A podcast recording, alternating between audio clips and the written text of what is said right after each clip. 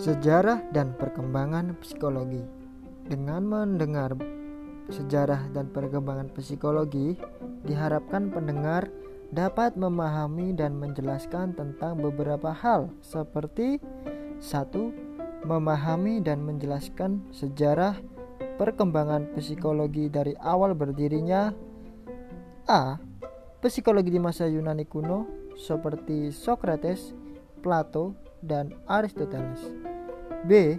Psikologi di abad pertengahan, masa kegelapan, kerajaan Romawi, peradaban Islam, budaya feodalis barat, psikologis di abad 19. Manusia selalu diperlukan untuk memahami, memprediksi, dan mengendalikan alam.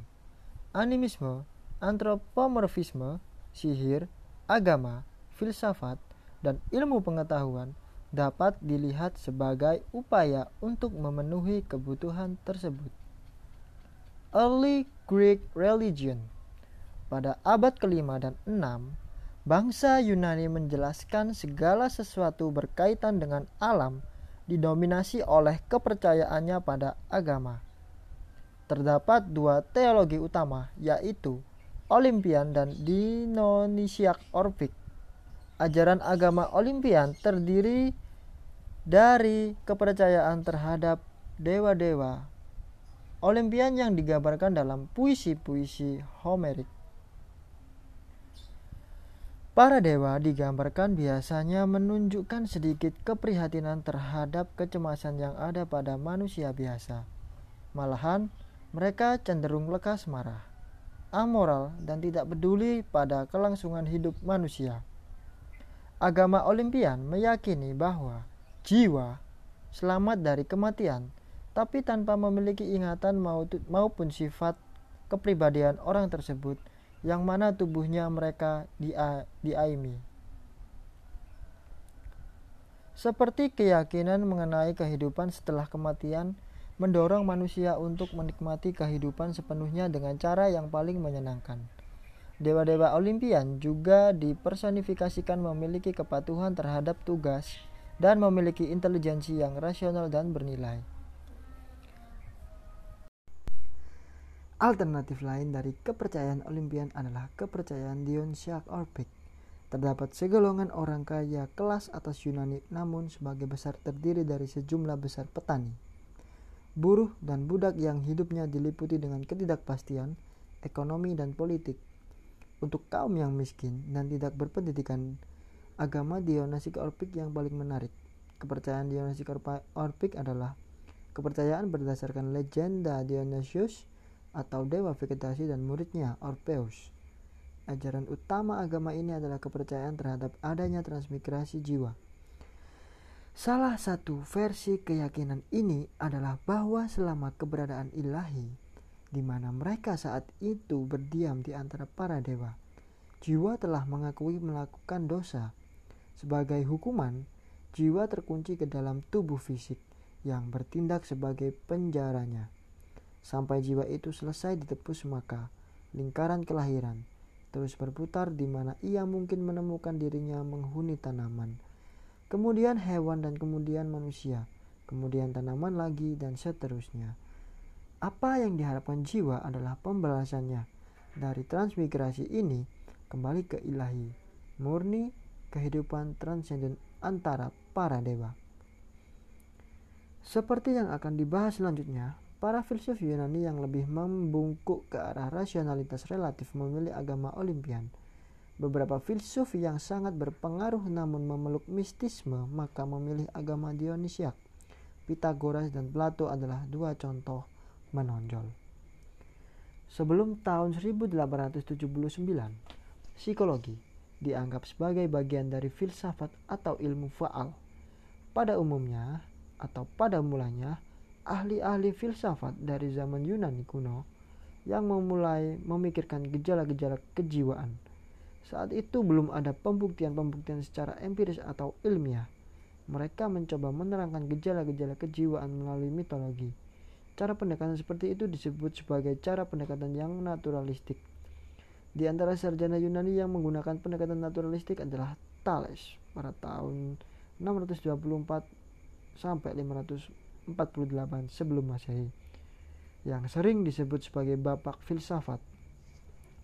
Ia meyakini bahwa jiwa dan hal-hal supranatural lainnya tidak ada karena sesuatu yang ada harus dapat diterangkan dengan gejala alam atau natural phenomenon.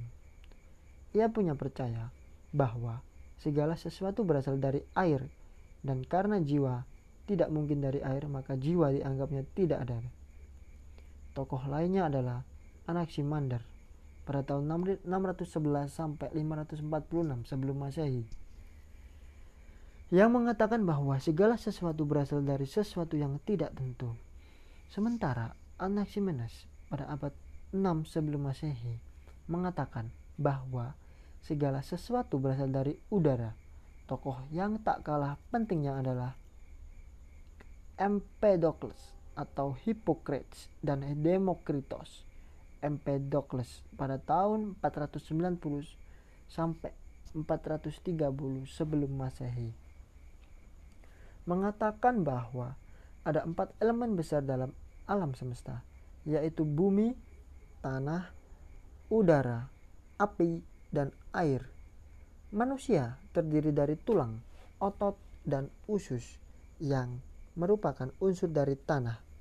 Cairan tubuh merupakan unsur dari air, fungsi rasio dan mental merupakan unsur dari api, sedangkan pendukung dari elemen-elemen atau fungsi hidup adalah udara.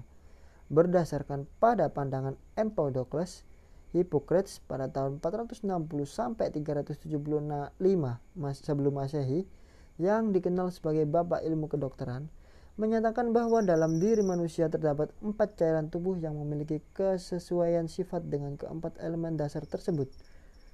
Berdasarkan komposisi cairan yang ada dalam tubuh manusia tersebut maka Hippocrates membagi manusia dalam empat golongan yaitu sanguin, orang yang mempunyai kelebihan atau terlalu banyak ekses, darah dalam tubuhnya mempunyai temperamen penggembira, melankolik, terlalu banyak sumsum -sum hitam, bertemperamen pemurung, kolerik, terlalu banyak sumsum -sum kuning, bertemperamen semangat dan gesit, plekmatik, terlalu banyak lendir dan bertemperamen lamban.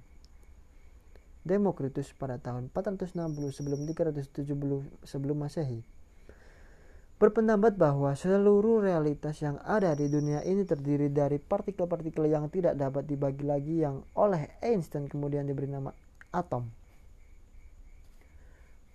Beratus-ratus tahun sesudah Demokratus prinsip tersebut masih diikuti oleh beberapa sarjana.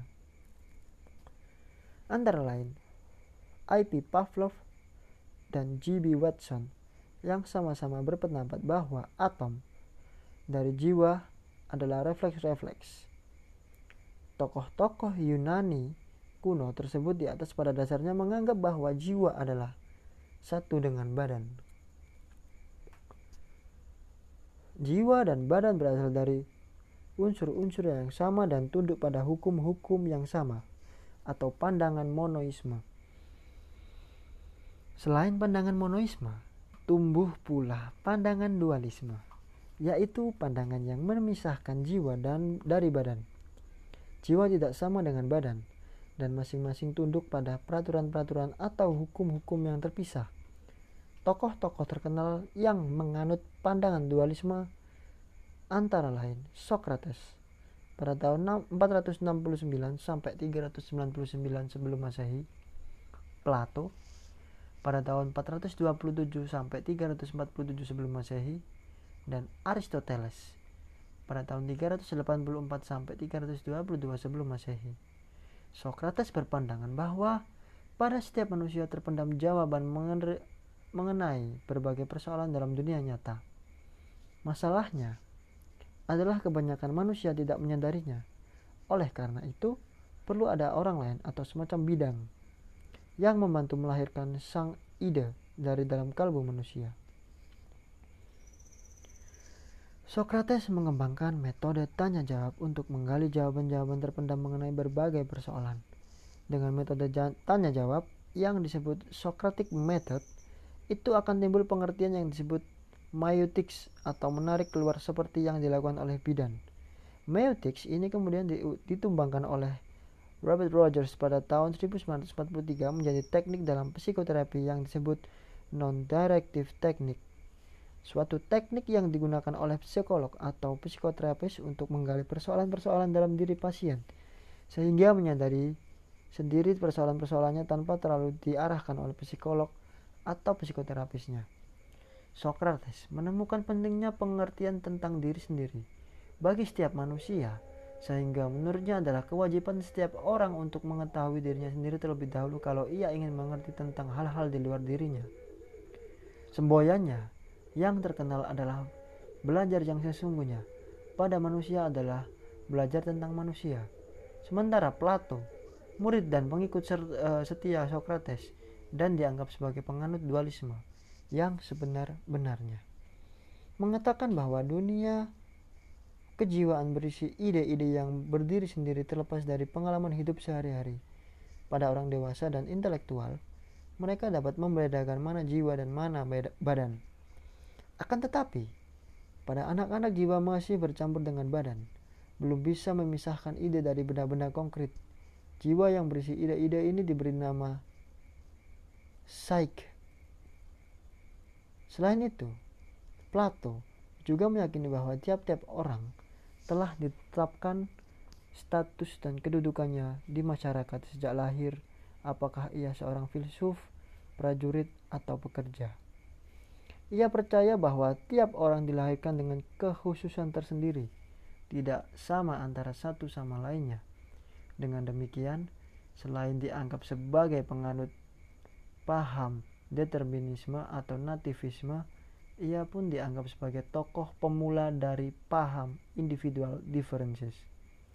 Dalam perkembangan psikologi selanjutnya, paham individual differences ini membawa para sarjana ke arah penemuan alat-alat pemeriksaan psikologi atau psikotes. Kalau Plato dianggap sebagai seorang rasionalis, yang percaya bahwa segala sesuatu berasal dari ide-ide yang dihasilkan rasio, maka Aristoteles pada tahun 385 hingga 322 sebelum Masehi atau murid Plato berkeyakinan bahwa segala sesuatu yang, ber, yang berbentuk kejiwaan atau form harus menempati sesuatu wujud tertentu atau meter. Wujud ini pada hakikatnya merupakan pernyataan atau ekspresi dari jiwa. Tuhanlah satu-satunya yang tanpa wujud, hanya form saja. Aristoteles sering disebut sebagai bapak psikologi empiris, karena menurutnya segala sesuatu harus bertitik tolak dari realita, yaitu meter. Meterlah sumber utama pengetahuan. Pandangan dan teori-teori Aristoteles tentang psikologi dapat dilihat dalam bukunya yang terkenal The Anima yang sesungguhnya merupakan buku tentang ilmu hewan, komparatif dan biologi. Dalam buku itu ia mengatakan bahwa setiap benda di dunia ini mempunyai dorongan untuk tumbuh dan menjadi sesuatu sesuai dengan tujuan yang sudah terkandung dalam benda itu sendiri. Aristoteles selanjutnya membedakan antara whole dan morph. Whole atau nos potetikos adalah yang terbentuk, sedangkan morphe atau nospotitikos adalah yang membentuk. Benda dalam alam tidak tumbuh dan berkembang begitu saja, tapi menjadi atau diperkembangkan menjadi sesuatu. Sebelum benda itu terwujud, benda itu berupa kemungkinan. Selanjutnya, Aristoteles membedakan tiga macam form yaitu plant yang mengontrol fungsi-fungsi vegetatif, animal dapat dilihat dalam fungsi-fungsi seperti mengingat, mengharap, dan persepsi rasional yang memungkinkan manusia melakukan penalaran atau rationing dan membentuk konsep-konsep khusus pada manusia. Dorongan untuk tumbuh berbentuk, ini berbentuk dorongan untuk merealisasikan diri atau self realization yang disebut enteleci. Menurut Aristoteles, fungsi jiwa dibagi dua, yaitu kemampuan untuk mengenal Kedua, kemampuan untuk berkendak. Pandangan ini dikenal sebagai diktomi. Berabad-abad setelah zaman Yunani kuno, psikologi masih merupakan bagian dari filsafat.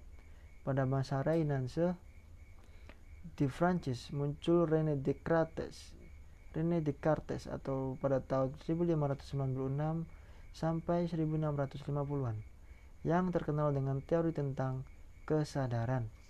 Sementara di Inggris muncul tokoh-tokoh seperti John Locke pada tahun 1623 hingga 1704. George Berkeley pada tahun 1685 hingga 1753. James Mill pada tahun 1773 hingga 1836 dan anaknya John Asosianisme dalam perkembangan psikologi selanjutnya peran sejumlah sarjana ilmu faal yang juga menaruh minat terhadap gejala-gejala kejiwaan tidak dapat diabaikan. Tokohnya antara lain Christian Bell pada tahun 1774 hingga 1842, F. Mark Nedy pada tahun 1785 hingga 1855, C.P. Muller, L.P. Pavlov pada tahun 1849 hingga 1936. Tampaknya perlu dicatat secara khusus karena dari teori-teori tentang refleks kemudian berkembang dari aliran behaviorisme yang aliran dalam psikologi yang hanya mau mengaku tingkah laku yang nyata sebagai objek studinya dan menolak anggapan sarjana lain yang mempelajari juga tingkah laku yang tidak tampak dari luar. Selain itu, peranan seorang dokter berdarah campuran Inggris Skotlandia bernama William McDougall pada tahun 1871 hingga 1900 38. Perlu pula dikemukakan. Ia juga yang dikenal dengan nama purposive psychology, sementara para sarjana filsafat maupun ilmu faal berusaha untuk menerangkan gejala-gejala kejiwaan secara ilmiah murni muncul pada orang-orang yang secara spekulatif mencoba untuk menerangkan gejala-gejala kejiwaan dari segi lain.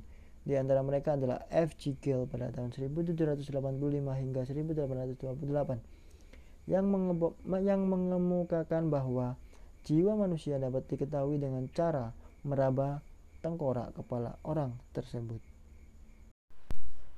Teori Gall dikembangkan dari pandangan psikologi fakultas or faculty psychology yang dikemukakan seorang tokoh gereja bernama Saint Augustine pada tahun 354 hingga 430. Menurut Augustine, dengan mengeksplorasi kesadaran melalui metode introspeksi diri, dalam jiwa terdapat bagian-bagian atau fakultas or faculties. Fakultas tersebut antara lain ingatan, imajinasi, indera, kemauan, dan sebagainya.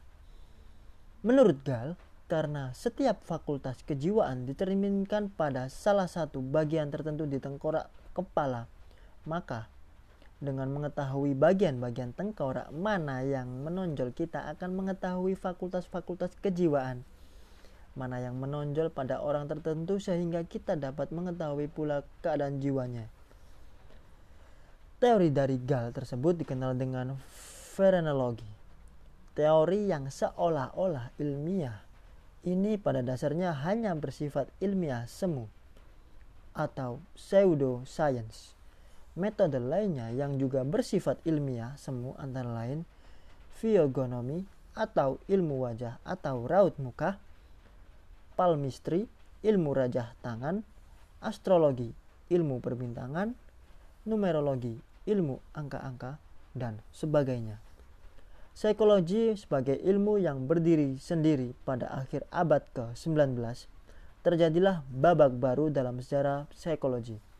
Pada tahun 1879, Wilhelm Wundt dari Jerman pada tahun 1832 hingga 1920 mendirikan laboratorium psikologi pertama di Leipzig yang menandai titik awal psikologi sebagai suatu ilmu yang berdiri sendiri. Sebagai tokoh eksperimental, Wun memperkenalkan metode introspeksi yang digunakan dalam mengemukakan suatu teori yang menguraikan struktur dari jiwa.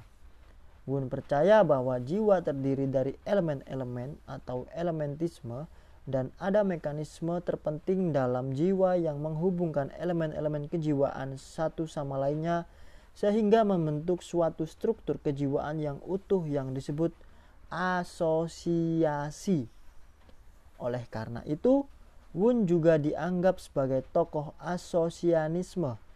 Edward Bradford Titchener pada tahun 1867 hingga 1927 mencoba menyebarluaskan ajaran-ajaran Wun ke Amerika.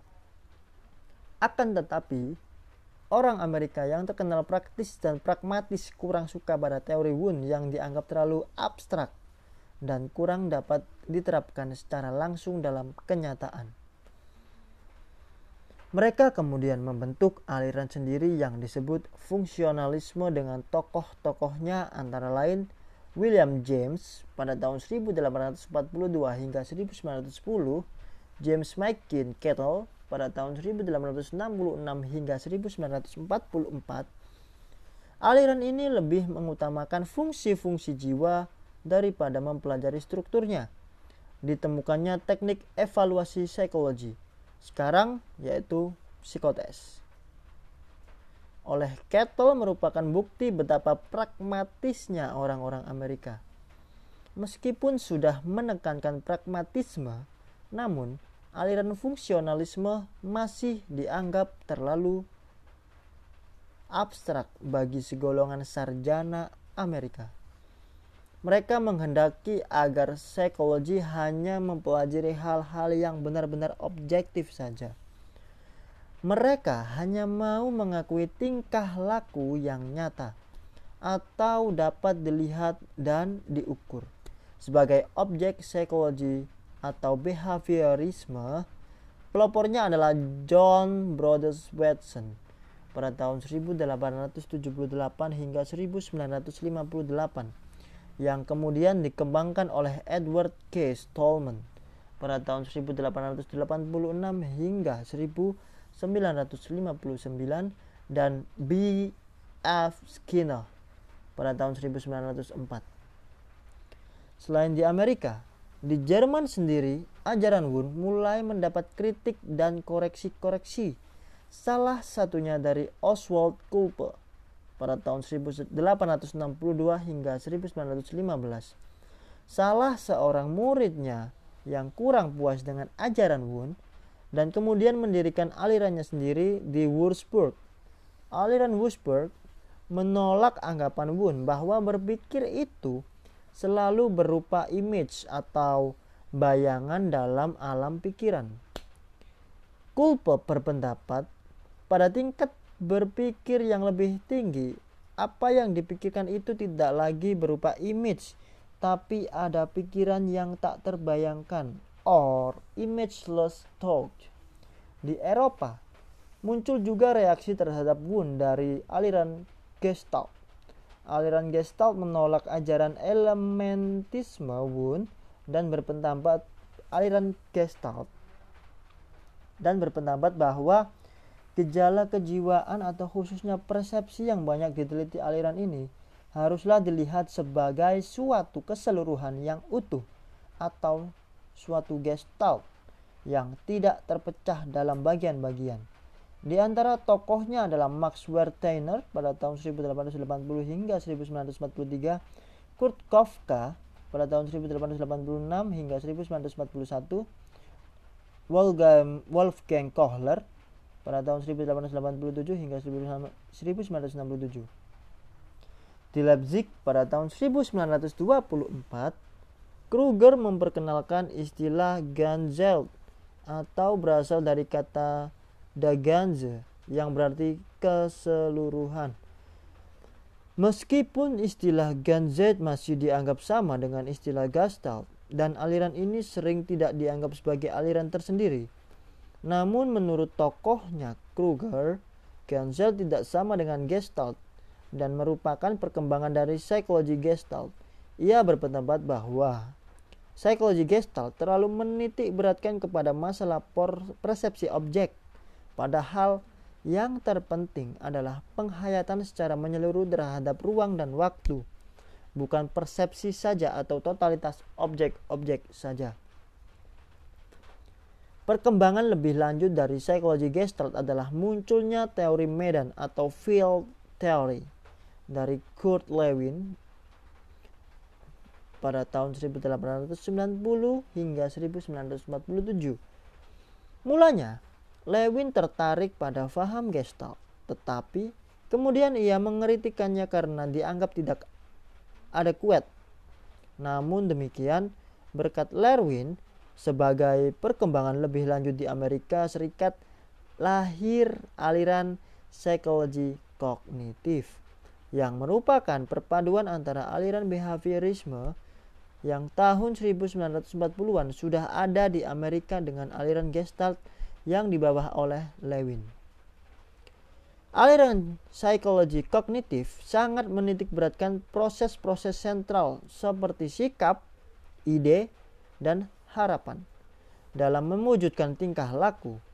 Secara khusus, hal-hal yang terjadi dalam alam kesadaran atau kognisi dipelajari oleh aliran ini sehingga besar pengaruhnya terutama dalam mempelajari hubungan antar manusia atau psikologi sosial.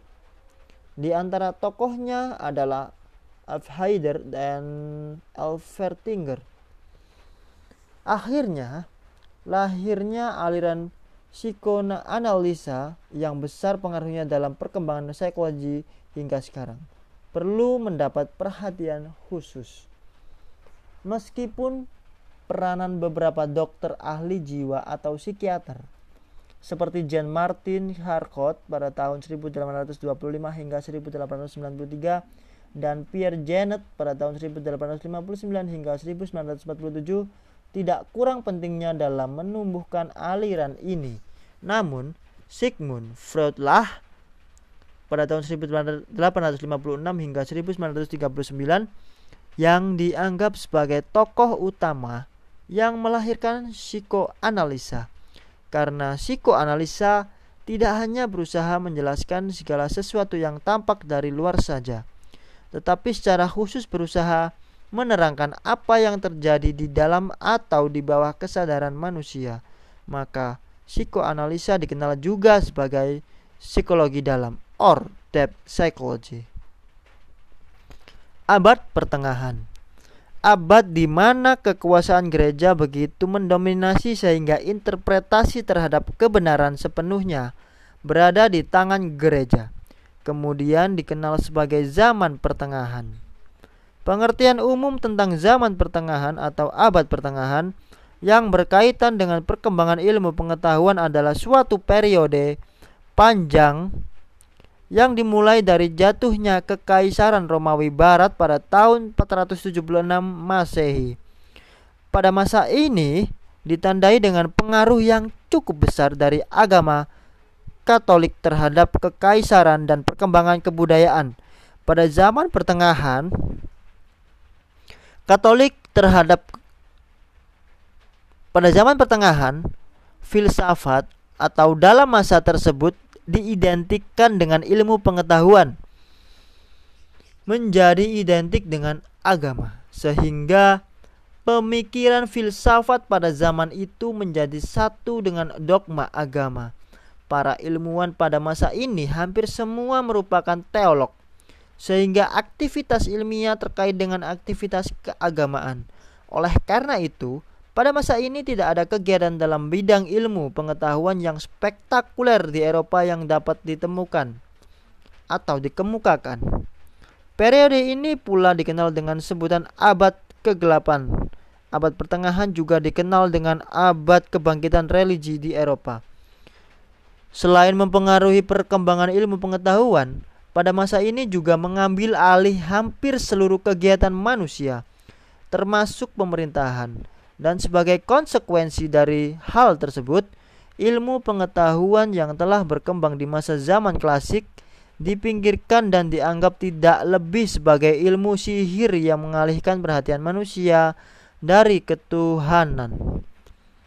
Ciri pemikiran pada zaman ini adalah teosentris yakni sebuah pemikiran di mana semua proses dalam kehidupan di muka bumi ini akan kembali kepada Tuhan. tokoh-tokoh filsafat abad pertengahan. 1. Plotinus hidup pada tahun 204 hingga 270 Masehi. Ia adalah seorang murid dari Animonius Saccas. Plotinus adalah filosof pertama yang mengajukan teori penciptaan alam semesta. Menurut Plotinus, bahan dari alam semesta ini adalah Tuhan. Filsafat Plotinus sebagian besar berunsur mistik karena dia beranggapan bahwa tujuan dari filsafat adalah untuk mencapai pemahaman mistik pengaruh agama Kristen terlihat sangat besar dalam cara berfilsafatnya. Dan watak dari filsafat Plotinus itu sendiri adalah spiritual. Ajaran Plotinus disebut Plotinisme atau Neoplat Neoplatonisme. Konsep metafisika Plotinus ditandai dengan konsep transcendence, transcendence atau kepercayaan terhadap sesuatu yang luar biasa. Kedua, Augustinus yang hidup pada tahun 354 hingga 430 Masehi. Ia adalah seorang guru di Tagaska, di mana disiplin ilmu yang dia terima untuk dipelajari adalah dalam bidang gramatika dan aritmatika. Pada tahun 378, dia memeluk agama Kristen setelah 24 tahun dia hidup menjadi seorang kafir pada tahun 391. Agustinus ditas ditasbihkan sebagai seorang pendeta. Tuhan adalah kebenaran yang menciptakan manusia, bumi, dan surga. Jiwa manusia adalah image dari Tuhan.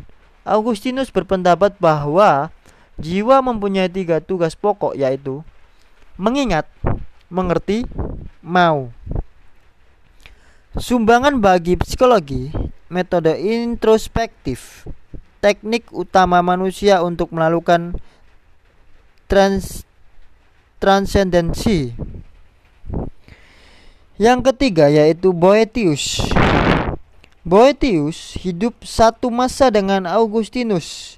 Dia adalah orang yang menemukan quadrium, yaitu studi pokok pada abad pertengahan yang berisikan empat mata pelajaran yaitu aritmatika, geometri, astronomi, dan musik.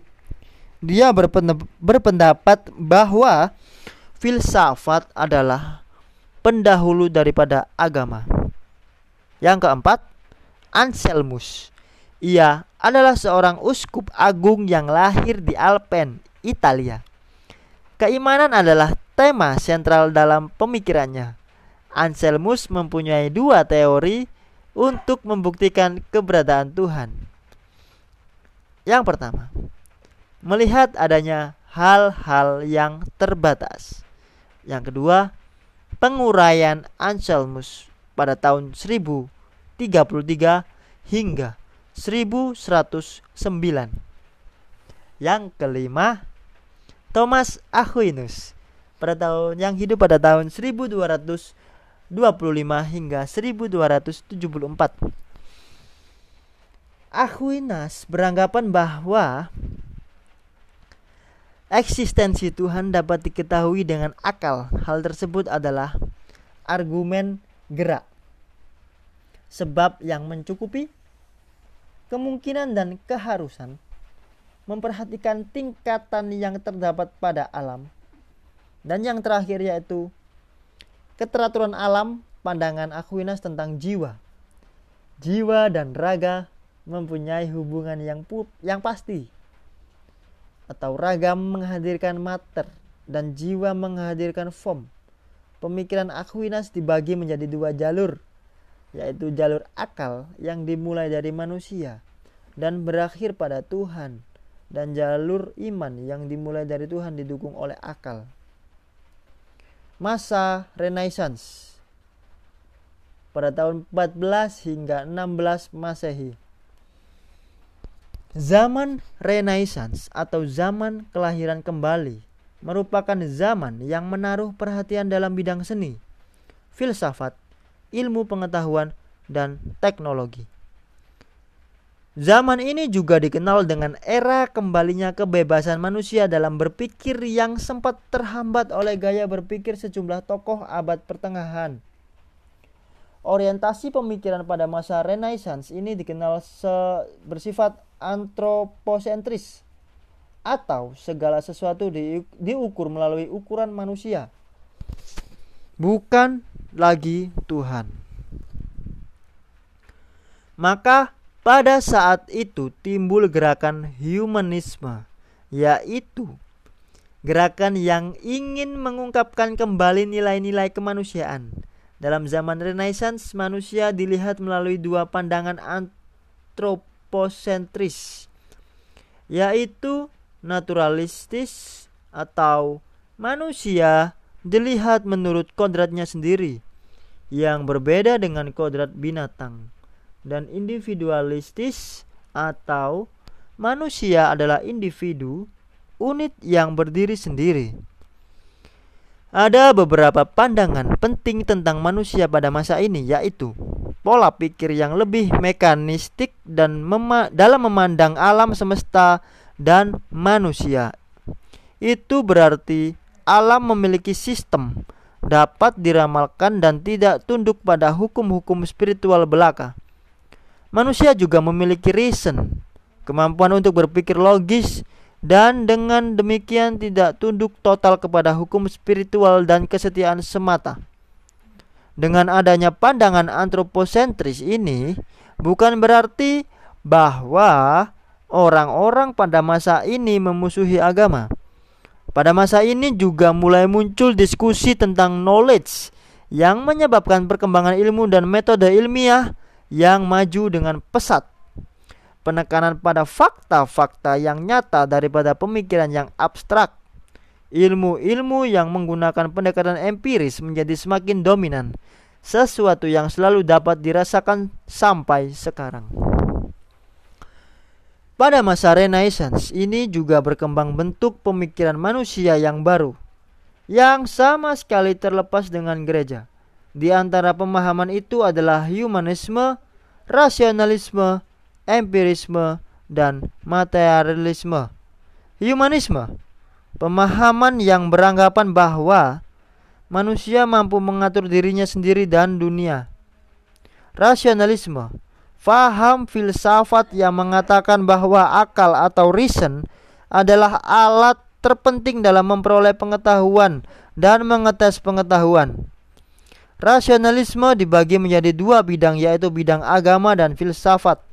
Rasionalisme dalam bidang agama kemampuannya untuk mengkritik ajaran agama. Sedangkan dalam bidang filsafat berguna sebagai teori pengetahuan.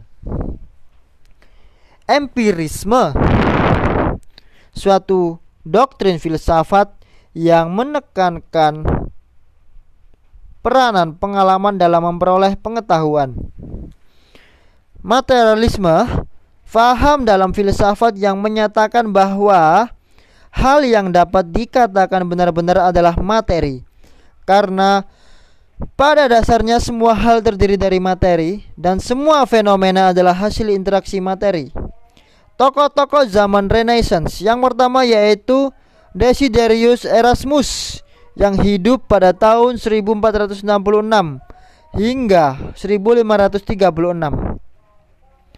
Erasmus memulai pendidikan di salah satu sekolah Latin di Utrecht, lalu melanjutkannya di Deventer di bawah asuhan persaudaraan kehidupan bersama atau The Brethren Common Life.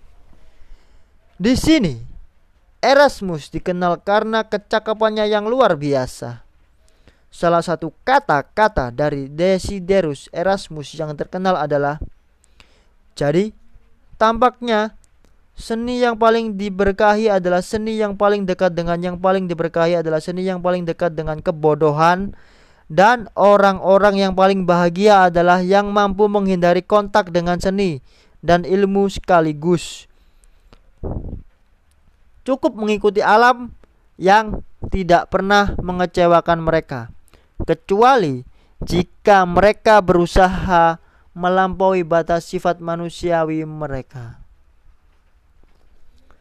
Yang kedua adalah tokoh-tokoh besar Renaissance bidang seni dan budaya Albrecht Dürer yang hidup pada tahun 1471 hingga 1528. Dante Alighieri yang hidup pada tahun 1265 hingga 1321. Desiderius Erasmus pada tahun 1466 hingga 1536. Donatello Ghirlandaio Hans Holbein yang hidup pada tahun 1456 hingga 1506. Hans Hemling atau Hans Memling pada tahun 1430 hingga 1495. Hieronymus Bosch yang hidup pada tahun 1450 hingga 1516. Josquin de Press pada tahun 1445 hingga 1521. Leonardo da Vinci 1452 hingga 1519, Lukas Kranach pada tahun 1472 hingga 1553. Michael Angelo yang hidup pada tahun 1475 hingga 1564. Perugino yang tahun yang hidup pada tahun 1446 hingga 1526. Rafael yang hidup pada tahun 1483 hingga 1520. Sandro Botticelli pada tahun 1444 hingga 1510. Tiziano Vecellai pada tahun 1477 hingga 1526. Yang ketiga, penjelajah Christopher Columbus pada tahun 1451 hingga 1506. Ferdinand Magellan atau yang hidup pada tahun 1480 hingga 1521. Ilmu pengetahuan John Johann Gutenberg pada tahun 1400 hingga 1468. Nicholas Copernicus pada tahun 1478 hingga 1543. Francis Bacon pada tahun 1561 hingga 1626. Andreas Vesalius pada tahun 1514 hingga 1564. William Gilbert pada tahun 1540 hingga 1603. Galileo Galilei yang hidup pada tahun 1546 hingga 1642. Dan yang terakhir yaitu Johannes Kepler yang hidup pada tahun 1571 hingga 1642.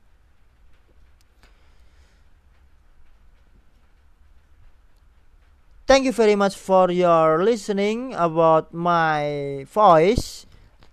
This is is part 3. Then I will read about part 4. Stay tuned this talking we are this talking therefore we are i'm so sorry thank you very much see you next podcast.